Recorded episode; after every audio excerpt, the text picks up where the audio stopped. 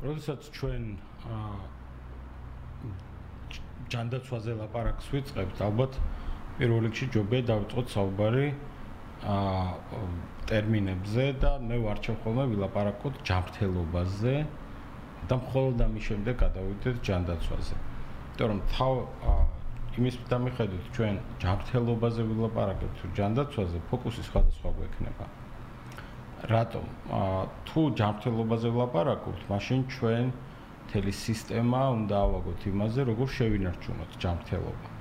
თუ ჯანდაცვაზე ვილაპარაკობთ, ადამიანებს მაინც უფრო წარმოუდგენიათ ეს როგორც მკურნალობა და მთავარი ამოცანა მაინც არის ჯანმრთელობის შენარჩუნება და ამიტომ ხშირად გაიგებთ ასეთ ტერმინს პრევენციული მედიცინა ან პრევენციული ჯანდაცვა, როდესაც სისტემა ისე ამოწყობილი, რომ ნაკლებად ვუტოვებ ჩანს ამა თუ იმ დაავადებას მოგვერიოს და მიგვიყვანოს ისეთ ძიმე მდგომარეობამდე, როდესაც ჩვენ კურნალობაში უფრო და უფრო რთული და კომპლექსური და მათ შორის ძვირად ძვირადღირებული მეთოდები ჩავთოთ. ამიტომ აა უნდა დავიწყოთ საუბარი ჯანმრთელობით და პირველ რიგში უნდა ვთქვათ, რომ აა ყველას ადამიანი იბადება ჯანმრთელობის გარკვეული ხარისხით და მთელი ცხოვრების განმავლობაში იმის გამო რომ თანდათან ასაკი გვემატება, ჯანმრთელობა გვიუარესდება და ბუნებრივია იმის გამო რომ ჯანმრთელობა შეიძლება გაგვიუარესდეს, ყველა ვფიქრობთ იმაზე, როგორ აა როგორ დავაზღვიოთ იმისი რისკი, რომ როდესაც თქვა ჩვენ ჯანმრთელობის პრობლემა შეიძლება წარმოგვეშვას დროთა განმავლობაში, აა როგორ დავაზღვიოთ ეს რისკი და როგორ გქონდეს სამისოთ სოციალური დაცვის საშუალებები. რას გულისხმობს სოციალური დაცვაში, რომ ელემენტარულად გქონდეს საშუალება გიმკურნალო. აა თუმცა დაბადებისთანავე შეიძლება ადამიანები არ დავიბადოთ ერთნაირი ჯანმრთელობის მდგომარეობით და აა იყვნენ ადამიანები, რომლებსაც დახმარება ჭირდება თავიდანვე იმისათვის, რომ აა თქვათ მისი ჯანმრთელობის მდგომარეობა იყოს ისეთი, რომ ამ ადამიანმა შეძლოს სრულფასოვანი ცხოვრება და საკუთარი თავის რეალიზაცია. აა ამიტომ ბუნებრივია, როდესაც ჩვენ ლაპარაკობთ, აი რაც უკვე ვილაპარაკე, ეს იძლევა გასაღებს იქითკენ, რომ ადამიანები ინდივიდუალურადაც და მთლიანად როგორც საზოგადოება ჩვენ ფიქრობთ იმაზე, როგორ უნდა მოეწყოს ჯანმრთელობის დაცვის უკვე დაცვის სისტემა ისე, რომ მე პირველ რიგში რაც შეიძლება დიდხანს გამყვეს ჯანმრთელი ცხოვრების წლები, ეს დამკვიდრებული ლიტერატურა არის ა ჯანდაცვის სფეროში, დამკვიდრებული ტერმინია, დიდხანს გამყვეს ჯანმრთელი ცხოვრების წლები და თუ კი წარმომეშვება გარკვეული პრობლემა, არსებობდეს ან მე მქონდეს ინდივიდუალურად ამის საშუალება, ან თუ არა მაქვს არსებობდეს მექანიზმი იმისათვის, რომ მე მკურნალობა შევძლო. და აქ რა თქმა უნდა მივდივართ ჩვენი საუბრის ერთად თემასთან, ეკონომიკასთან, ანუ ჯანდაცვის ეკონომიკა როგორ უნდა იყოს მოწყობილი, საიმისოთ რომ ჩვენ აა თუ კი ამის საჭიროება დაგვიდგა, მკურნალობა შევძლოთ. ოღონდ მე მანამდე კიდევ ერთ განმარტებას გავაკეთებ, მე ვახსენე ტერმინი ჯანმრთელი ცხოვრების წლები. ყველას გვინდა რომ დიდხანს ვიცოცხლოთ, ხო? აა, ოღონდ ყველას გვინდა ამავდროულად ამოცანა არის რომ დიდხანს ვიცოცხლოთ, რაც შეიძლება ჯანმრთელად. ამიტომ აა ამოცანა ჩვენი რო საზოგადოებრივი ამოცანა უბრალოდ ის კი არ არის რომ ხოლო დიდხანს ვიცოცხლოთ, არამედ დიდხანს ვიცოცხლოთ ის ჯამთელად ისე რომ რაც შეიძლება დიდხანს შევძლოთ ჩვენ თვითონ ა ფუნქციო ფუნქციობა თავის თავის რეალიზაცია ცხოვრება და ასე შემდეგ. აა ეხლა რა თქმა უნდა მე უკვე ვახსენე და მთავარი ამოცანა პრევენცია ხო და რაც ერთი რამ უნდა ვთქვათ. აა ძალიან დიდ როლს ვიდრე უშუალოდ მივალთ მედიცინამდე, ვიდრე მივალთ იმ მდგომარეობამდე, რომ შეიძლება დაგვჭირდეს რაიმე ტიპის სამედიცინო ჩარევა, ძალიან დიდი მნიშვნელობა აქვს იმას, რომ ჩვენ ცხოვრების ჯანსაღი წესით ვიცხოვროთ. აა და შესაბამისად შევამციროთ იმისი რისკი, რომ რაღაც დაავადება შეიძლება დაგვემართოს. აი ახლა წინა კვირაში ერთ-ერთი ყველაზე უფრო ფართოდ რეკლამირებული აჟიოტაჟი რამაც გამოიწვია მთელ სოფლიოში, მათ შორის საქართველოში და განსაკუთრებით სოციალურ ქსელებში იყო ა ერთ-ერთი ფეხბურთელის მიერ კოკა-კოლის ბოთლის გადადგმა, ხო? ამ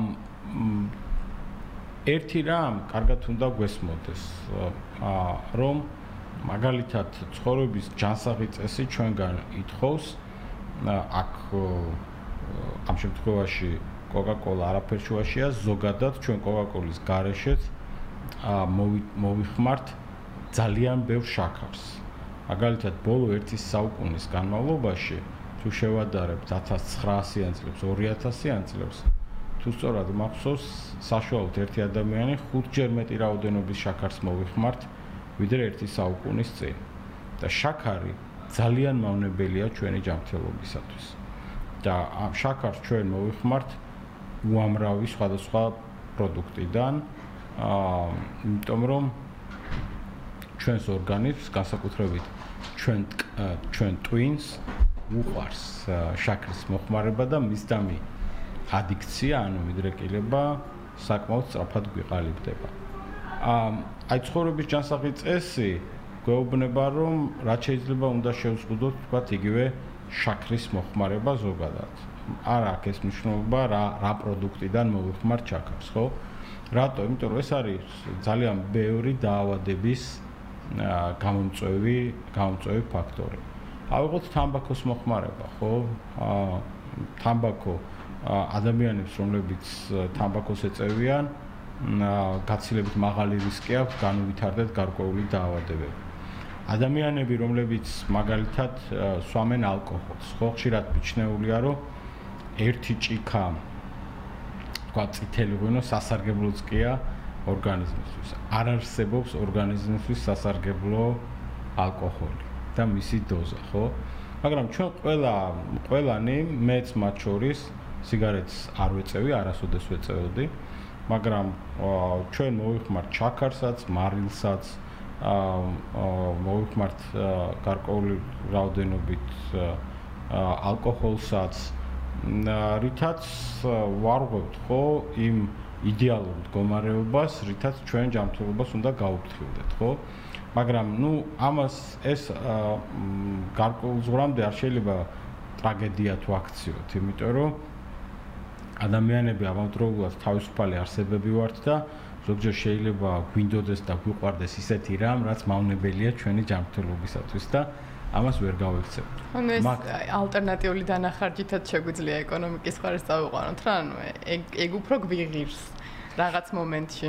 ხო, იმიტომ რომ ჩვენ ხო არა ვართ უბრალოდ კალკულატორები, ხო, ანუ თავისუფალი ნება აა გარკვეული სიამოვნების მიღება და ასე შემდეგ, ისეთივე ძვირფასია ჩვენთვის, როგორც თქვათ ის, რომ მე მაგალითად არ განმევითარდეს რაღაც რაღაც დაავადება. ამიტომ უნებრივია, რომ ჩვენ როგორც რაციონალური არსებები კალკულაციას ვაკეთებთ, თუმცა კალკულაციას არ ვაკეთებთ მხოლოდ რაოდენობრივი მაჩვენებლებით. ანუ ჩვენთვის აა თუმცა რო წავიდეთ ფილოსოფიაში და პოლიტიკური ფილოსოფიის ერთმდინარეობაში უტილიტარიზმში, იქაც ცდილობენ ყველაფრის კვანტიფიკაციას, ანუ ყველაფრის მათ შორის სიამოვნებათა რიცხვებში გადაყვანას, მაგრამ ეს სხვა საუბრის თემა.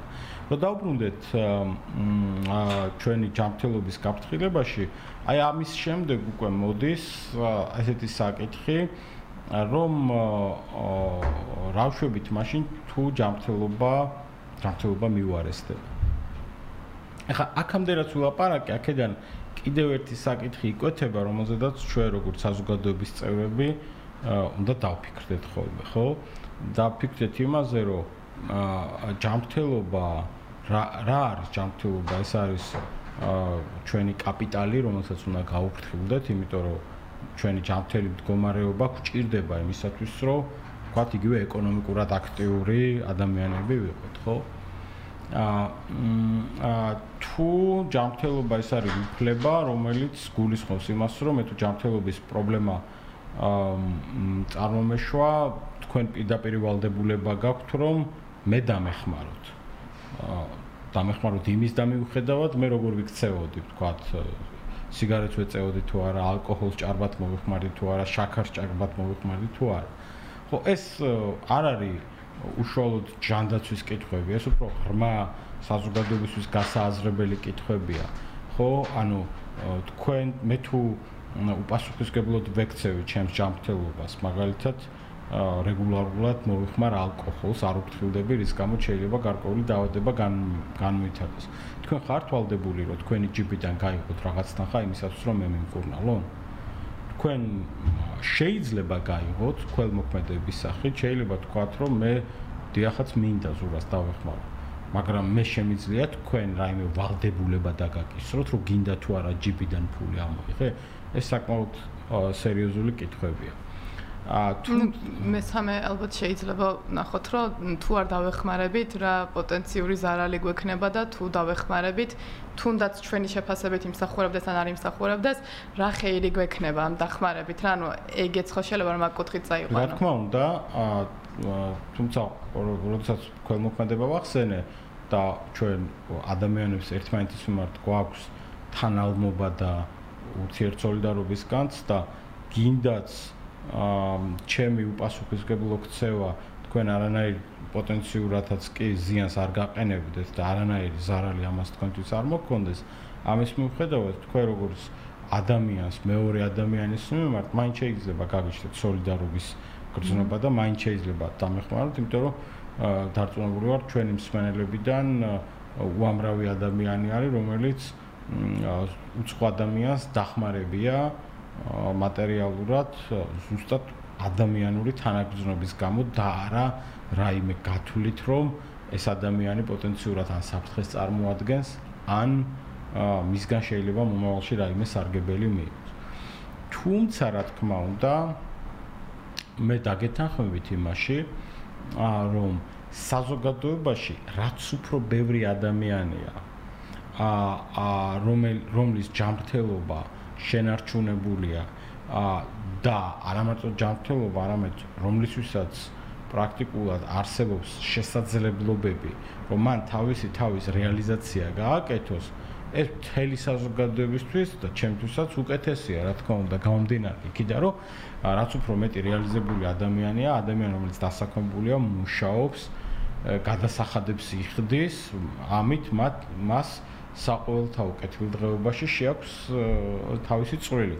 თუმცა ყოველთვის იქნებიან ადამიანები, რომლებსაც გარკვეული მიზეზი, სრულიად საპატიო მიზეზების გამო მათ ეს არ შეუძლიათ და აი აქ ჩდება მე ჩვენი ადამიანური სოლიდარობის ფაქტორი ჩვენ ამ ადამიანებს გავყავთ საზოგადოებისგან თუ ხელს გაუწვით და სწორედ ამიტომ შემოდის ხოლმე სოციალური დაცვის სისტემა, რომ ჩვენ ესეთი ადამიანები არ გავურიყოთ, ხელი გაუწოდოთ და რამენაირად დავეხმაროთ. ანუ დახმარება გამოიხატება იმაში, რომ მიუახლოვდეთ კიდევ უფრო მეტად ჩვენ საგვიცს, რომ ვინც მუშაობთ, ვინც დასაქმებულები ვართ, ვიხდით გადასახადებს, ჟაჟურის გადასახადებს იხდიან ისინი, ვინც არ მუშაობენ, იმიტომ რომ DGG-ს, როდესაც ისინი ნებისმიერ ნიუც ყიდულობენ პროდუქტს მაგალითად, მათ შორის შაქარსაც, აა ისინი DGG-ს იხდიან, გადასახადს ყველანი ვიხდით, არ უნდა გოგონოს რომ მარტო დასაქმებულები იხდიან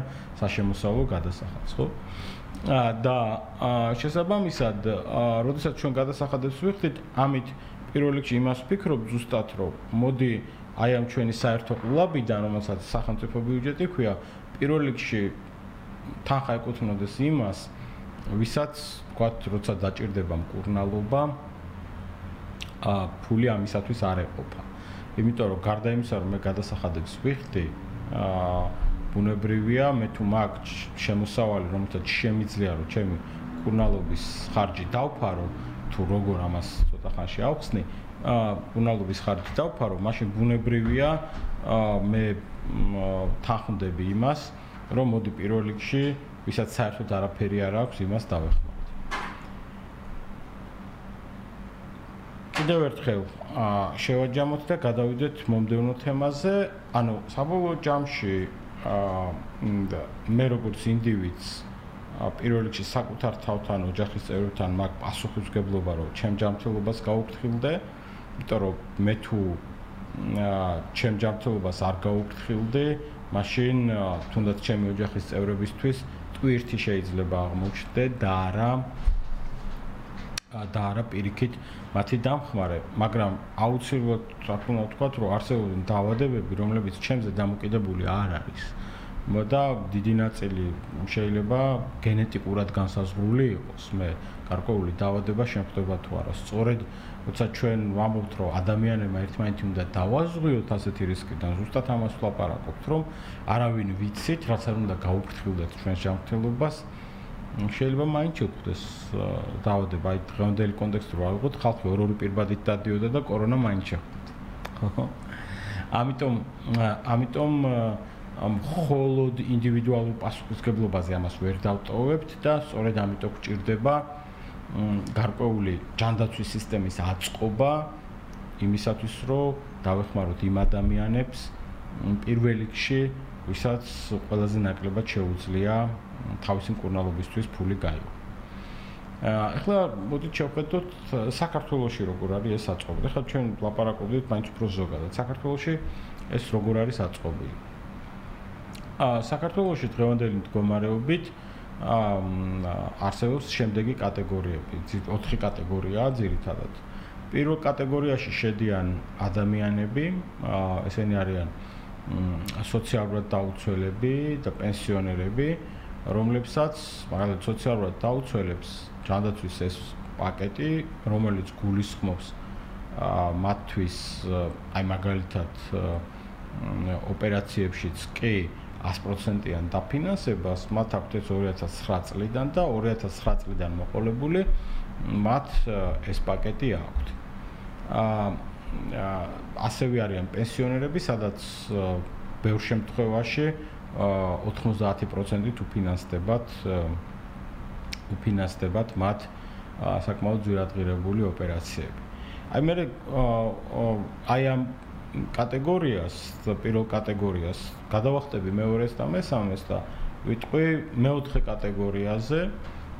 აა და მე პირადად ამ კატეგორიას მივუკუთვნები, რომლებიც სარგებლობთ ჯანმრთელობის დაზღვევის კერძო პაკეტით, ანუ მე ჩემი ჯიპიდან ამას ვიხდი ყოველთვიურად ამ პაკეტის თანხას და შესაბამისად მე არ ვსარგებლობ საყოველთაო საყოველთაო ჯანდაცვის პაკეტით, რითაც ვთქვათ, აი ამ პაკეტით სარგებლობს ის პირველი ჯგუფი, რომელიც აგიხწერეთ, ხო? მე მე არ ვსარგებლობ, რატო აქ ჩითე ჩემ წინა შესავალში ზუსტად ამაზე იყო ლაპარაკი, რომ რა კი ჩვენ ვთქვათ, სოციალურად დაუცვას და მე რომელიც უნივერსიტეტში ვასწავლი, ჩვენ ორი სხვადასხვა ტიპის შემოსავალი გვაქვს.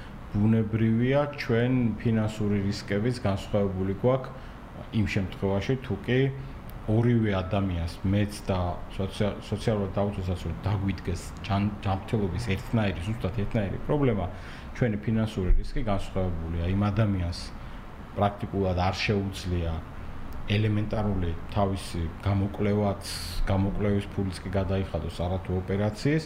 მაშინ როდესაც მე კერძო დაზღვევა რა კი მაქვს და ამაში ჩემს პირად ფულს ვიხდი მე შემიძლია რომ თქვა დაზღვევამ დამიფაროს ეს გამოკვლევები. ამიტომ ქვეყანაში მოქმედ საყოველთაო ჯანდაცვის პროგრამაში როგორც უკვე ვთქვი, აი ეს პირველი კატეგორია საკმაოდ კარგი პაკეტით სარგებლობს, მეოთხე კატეგორია ჩვენ არ სარგებლობთ საყოველთაო ჯანდაცვით. ახლა რა ხდება მეორე და მესამე კატეგორიის შემთხვევაში? მეორე და მესამე კატეგორია ეს სხვა შორის საზოგადოების ყველაზე დიდი ნაწილია, რომელსაც შემოსავლები აქვს, ისინი სოციალურად დაუცველები არ არიან. შემოსავალი შეიძლება ქონდეს პენსიონერზე მეტი და აქვთ კიდევაც პენსიონერზე მეტი, თქვათ ესენი არიან თვითდასაქმებული ადამიანები, ესენი არიან დასაქმებული, დაქირავებით დასაქმებული ადამიანები. რომლებსაც აქვთ შემოსავალი, მაგრამ ისინი არ სარგებლობენ, ისინი არ ყიდულობენ თავისი ჯიბიდან აა კერძო დაზღვევას. და შესაბამისად, რა კი კერძო დაზღვევა არ აქვს, სახელმწიფომ ჩათვალა თავის დროზე 2013 წელს ჩათვალა რომ მოდი სახელმწიფო მუყიდოთ მათ აა გარკვეული სამედიცინო პაკეტი.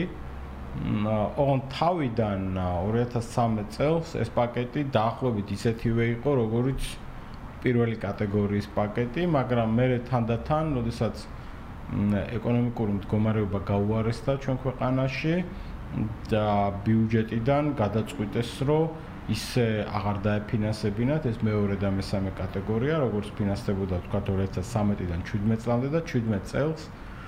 ეს უბრალოდ ეს დაყოფა გააკეთეს რომ ვიღაცას დაუტოვეს ის პაკეტი რაც იყო სოციალურად დაუცველებს და პენსიონერებს მაგრამ ვიღაცებს გარკვეული სამედიცინო მომსახურებები ჩამოეჭრა იმიტომ რომ ქვეყნის ეკონომიკა და ქვეყნის ეკონომიკური განვითარება ვეღარ უზრუნველყოფდა შესაბამის შემოსავლებს ა შემოსავლებს ამ სისტემისათვის აა ახლა და ის რომ ჩვენთან ეკონომიკური მდგომარეობა გართულდა, ეს ვიცით.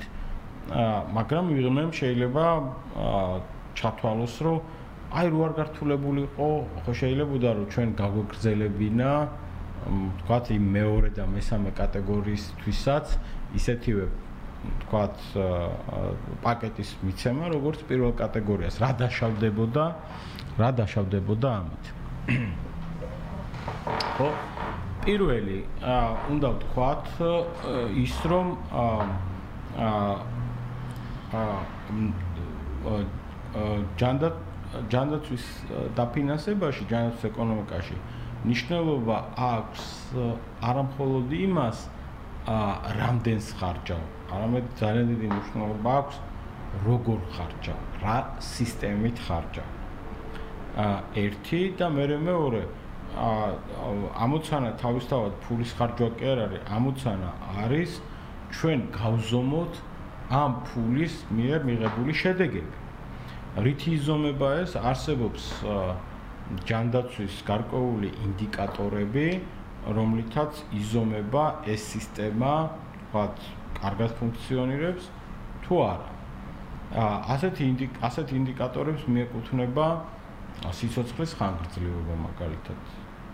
ხო, აი ჩვენ ვიცით რომ მაგალითად არის ქვეყნები, ეხლა მეგონი სათავეში ესპანეთია, ესპანეთი, იაპონია, სადაც სიცოცხლის საშუალო ხანგრძლივობა 80 წელზე მეტია, 82-83 წელი. ხო, საქართველოში საშუალოდ 93-63-სა და 74 შორის მერყეობს ახლა ქალებს 76-77-ია, კაცების 72 დაახლოებით საშუალოდ ესე გამოდის, ანუ ჩვენ ჩამოვრჩებით მაღალი განვითარების ქვეყნებს, სადაც უკეთესი ჯანდაცვა ამ პარამეტრით, ხო? მაგრამ როგორც უკვე მანამდე ვთქვი, აა მანამდე ვთქვი, მნიშვნელობა აქვს არა მარტო უბრალოდ სიცოცხლის ხანგრძლივობას, არამედ სიცოცხლის ჯანმრთელი წლების ხანგრძლივობას, ხო? აა და შესაბამისად ამითაც იზომება. აა მე მნიშვნელობა აქვს მაგალითად 1 წლამდე ბავშვთა სიკვდილიანობა რამდენია, 5 წლამდე ბავშვთა სიკვდილიანობა რამდენია, დედათა სიკვდილიანობა რამდენია. ანუ ეს არის პარამეტრები, რომლითაც საბოლოო ჯამში თუ სისტემა კარგად არის მოწყობილი და ფულს სწორად ხარჯა, ეს ეს პარამეტრები უმჯობესდება თუ თუ სისტემა არასწორად არის მოწყობილი, ფული რამდენიც არ უნდა ჩაყარო, როგორც ხაროში უძირო ქვევრში ის გაიფანტება და შედეგი არ გვექნება. სამწუხარო ის არის, რომ ჩვენ იმის შესადარი შესადარი მაჩვენებლების გაუმჯობესება 2013 წლიდან რაც საყოველთაო ჯანდაცვა დაიწყო და ფული დაიხარჯა იმის შესადარისი გაუმჯობესება ამ პარამეტრებში ნაკლებად გვაქვს. ანუ არის პარამეტრებისაც გვაქვს მცირედი გაუმჯობესება, მაგრამ შედარებადად თუ ამ ხელა ფულს ხარჯავდით, ჩვენ გაცილებით უკეთესი შედეგები უნდა მიგვეღო. სადმე არის რაიმე პროპორცია, რომ აი სოფლიო მაგ ქვეყნების მაგალითებით რო ვთქვათ, რომ აი ამდენ თანხის დახარჯვაზე ამდენი, ხო? აა არჩეულებრივი კითხვა არის ზოგადად ჯანაცვის სპეციალისტები მაგალითად უყურებენ ხოლმე ზოგადად მთლიანად საზოგადოება მუშიპოს მთლიანი შიდა პროდუქტის რა პროცენტს ხარჯავს ჯანდაცვაზე ეს არის ვთქვათ 2% თუ ეს არის 5%.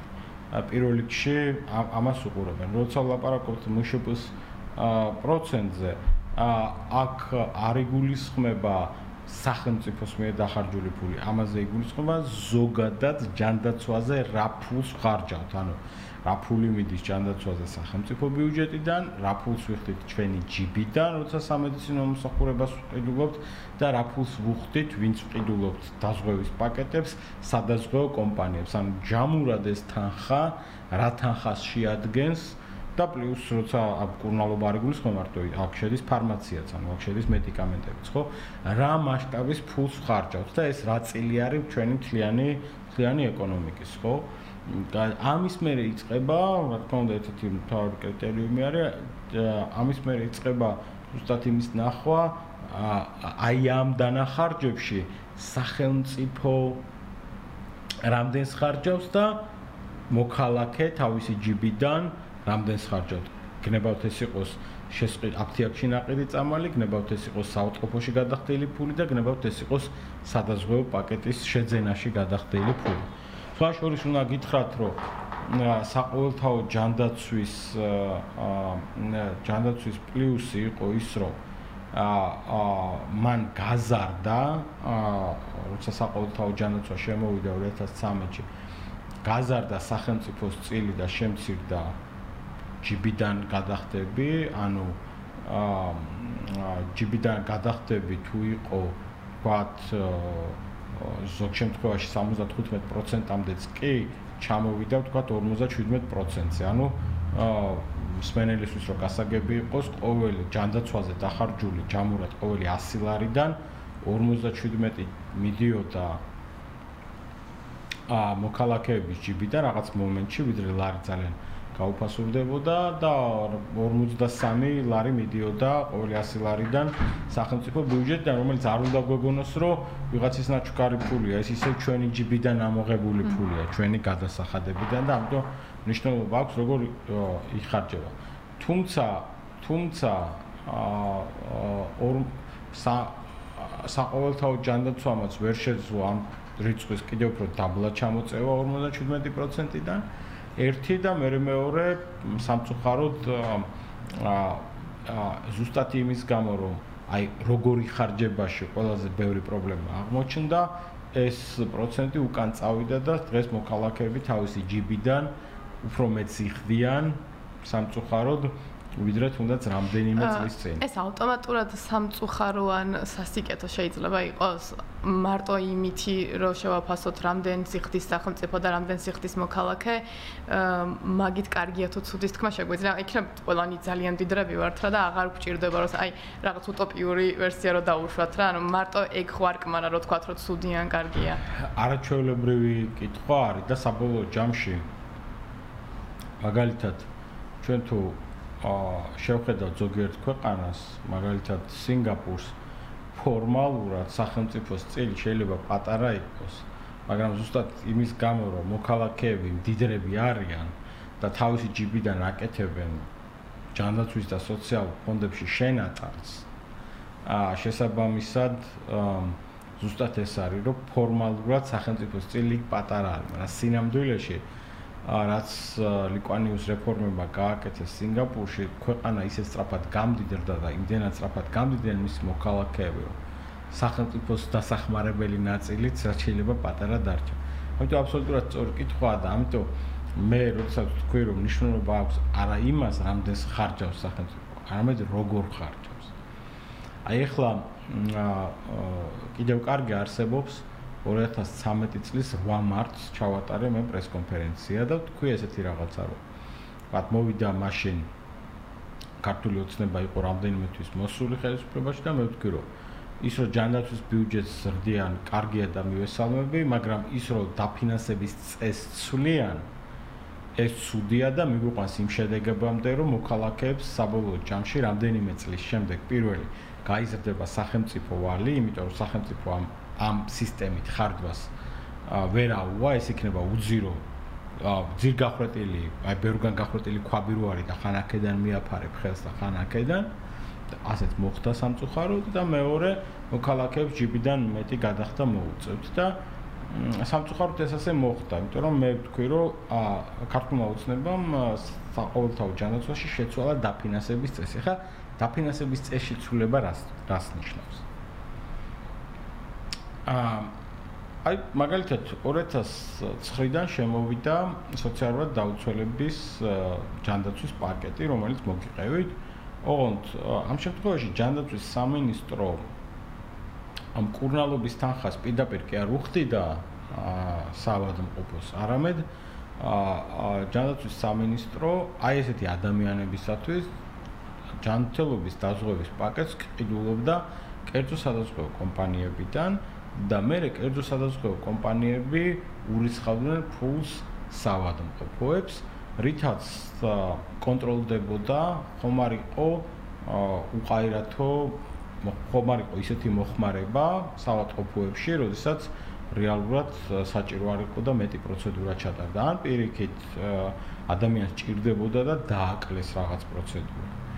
აა სამწუხაროდ ჩვენ 2013 წლიდან გადავედით სახელმწიფოს მიერ საავადმყოფოების პირდაპირ დაფინანსების მოდელზე და რაც არ უნდა დიდი ბიუროკრატია შექმნა, ვერ აიცილებ თავს იქიდან რომ გექნება მუდმივად ან რეალური გადახარჯვა, რაც მქონდა კიდევაც საშუალოდ 100 მილიონი ლარი წელიწადში, ან სულ გექნება ეჭვირო ეხლა საავადმყოფოები რაღაცას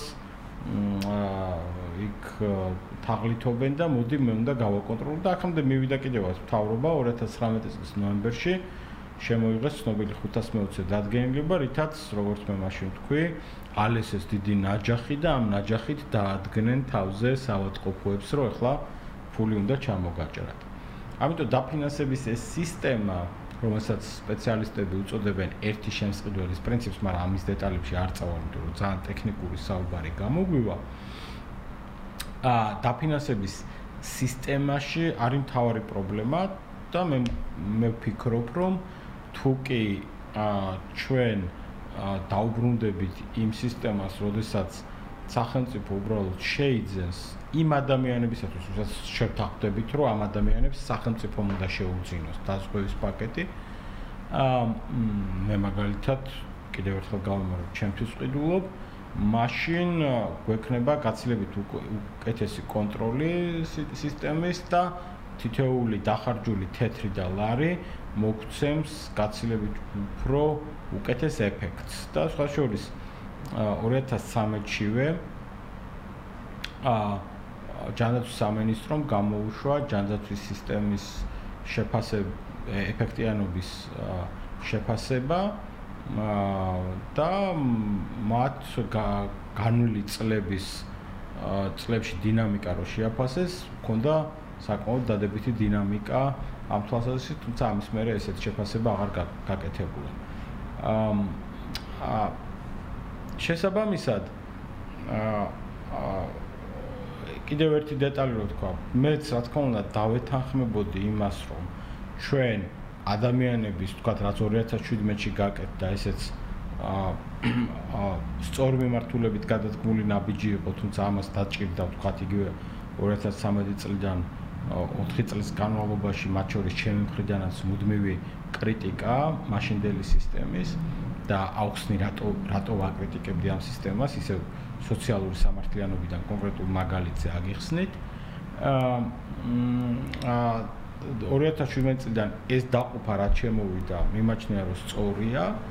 აა სწორია იმ თვალსაზრისით რომ ადამიანების ჯანმრთელობის რისკები ფინანსურად ჩვენ უნდა შევაფასოთ მათ შორის იმ შემოსავლების მიხედვით რაც მათ აქვთ და შესაბამისად სახელმწიფოს დახმარება თუ კი ვეხმარებით პროპორციული უნდა იყოს იმისა თვითონ ამ ადამიანს შემოსავლები თვითონ რა აქვს და არა განურჩეულად ყველა როგორც 2013-დან 17 წლამდე იყო და რაც ჩემი აზრით იყო გაუმართებელი. ეხლა რატო იყო გაუმართებელი? მე ამასთან დაკავშირებით რამდენიმე სტატია დაწერილი მაქვს, ეს მაგალითი სტატიებში მოყვანილი მაქვს, ეს სტატია Forbes-ზე დევს, სხვა შორის და ამ თქვენი page-ის კომენტარებში შეიძლება დავდოთ, ვისაც დაინტერესებს ჩახედოს.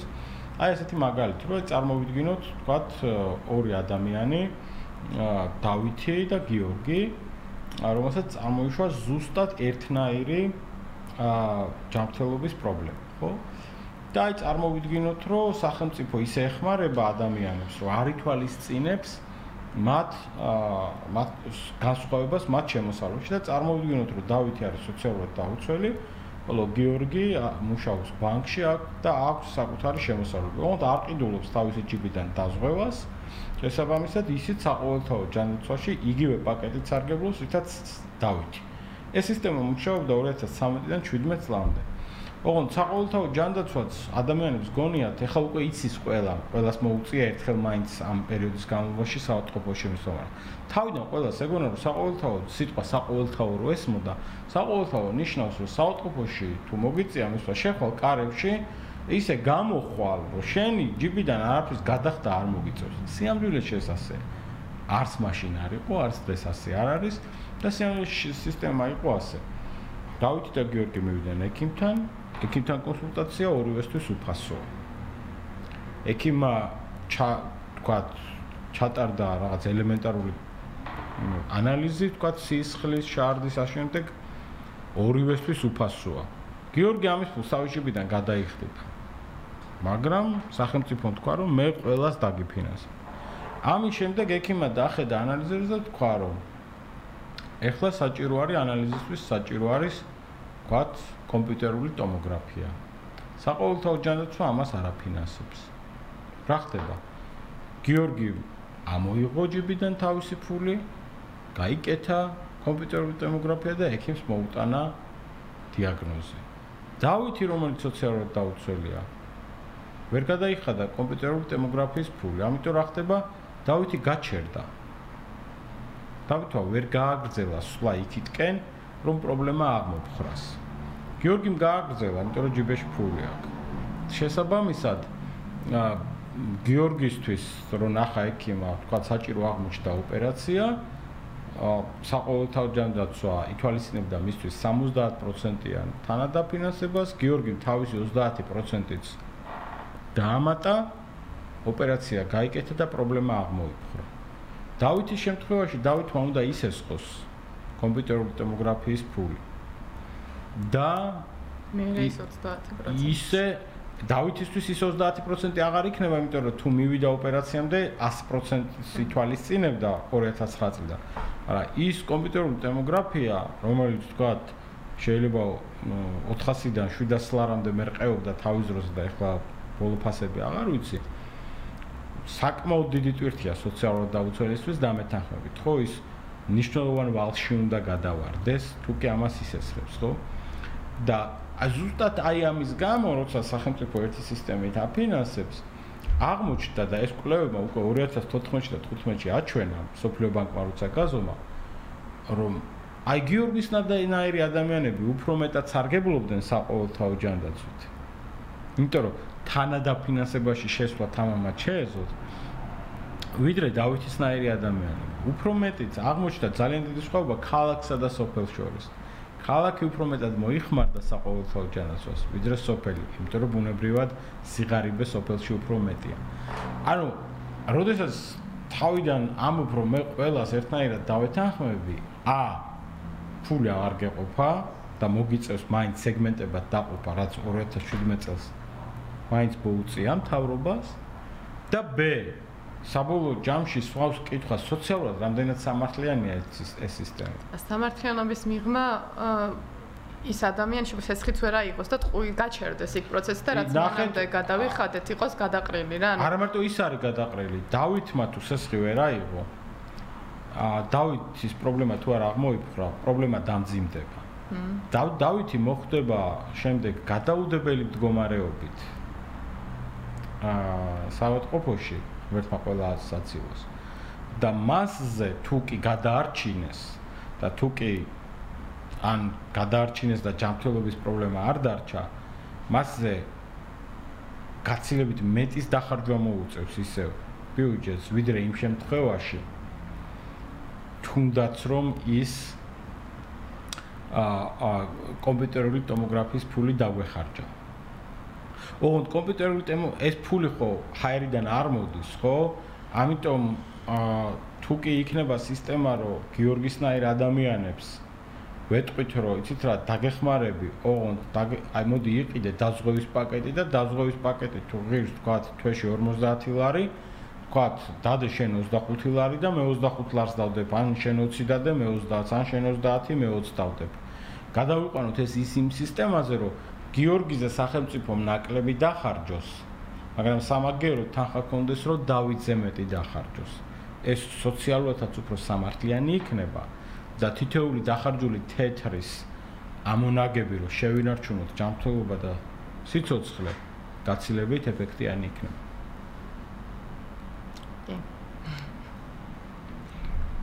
ამ ამიტომ მე ვფიქრობ რომ აა კიდევ ერთხელ გავიმეორებ ნიშნულობა აქვს თუ ჯანმრთელობის ეკონომიკაზე ვლაპარაკობთ არა მარტო რამდენს ხარჯობთ და მე ეს გითხარით რომ თქვა გარკვეულ პროცენტებში ეს იზომება მთელ სოფლიოში რა ნიშნულობა აქვს როგორ რა სისტემით ხარჯობთ? დიდი მადლობა. თუ მაყურებელს რამე კითხვა ექნება კომენტარებში მოგწერეთ და გიპასუხებთ. ლინკსაც სტატიის ლინკსაც შევაგდებთ კომენტარებში. მადლობა. ზურა მოსვლისთვის